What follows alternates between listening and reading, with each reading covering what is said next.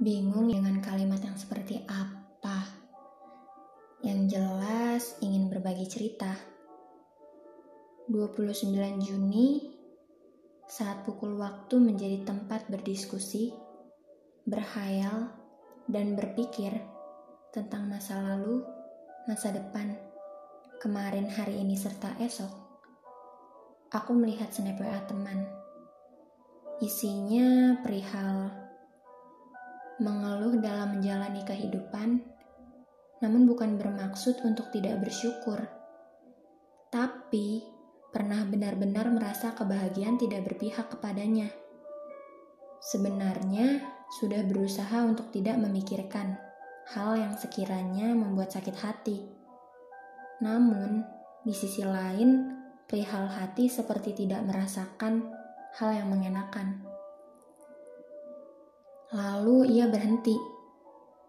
Dengan kalimat yang menyokong, yaitu katanya, kuatnya bertahan mulai melemah, sabarnya selama ini mulai menemukan titik lemah, dan perkiraan waktu bisa menyadarkan orang yang dimaksud gagal. Karena semakin dirinya bertahan, semakin rasa sakit di hati hadir, dan akhirnya ia memilih untuk berhenti mengetahui semua hal tentang seseorang itu. Oke, jadi nggak ada yang salah di sini. Perihal kebahagiaan yang tidak berpihak kepadanya, itu hanya apa yang dirasa. Dan pemikiran negatif yang terlalu tinggi. Perihal bukan bermaksud untuk tidak bersyukur, namun ungkapannya sudah mengarah pada kurang bersyukur orang yang menjadi sasaran berhak memilih bersama, hanya singgah, atau tak sama sekali. Kita pun berhak memilih yang mulanya menunggu, lalu bertahan, dan akhirnya menyerah.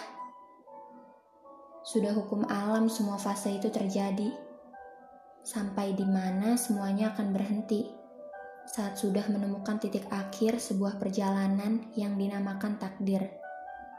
Dan kita akan berhenti, serta menceritakan lalu-lalu yang terjadi, yang insya Allah sampai maut mengakhiri. Singkatnya, sayangi diri sendiri, berusahalah untuk tidak terbebani dengan apa yang terjadi di hati. Karena cinta lahir sendirinya, tanpa kita ketahui masanya. Ia datang karena Tuhan tak biarkan kita sendiri. Ia pergi karena Tuhan tak biarkan kita tersakiti. Simpanlah cinta. Kenanglah sebagai bagian hidup. Tersenyum, tertawa, dan menangislah jika perlu.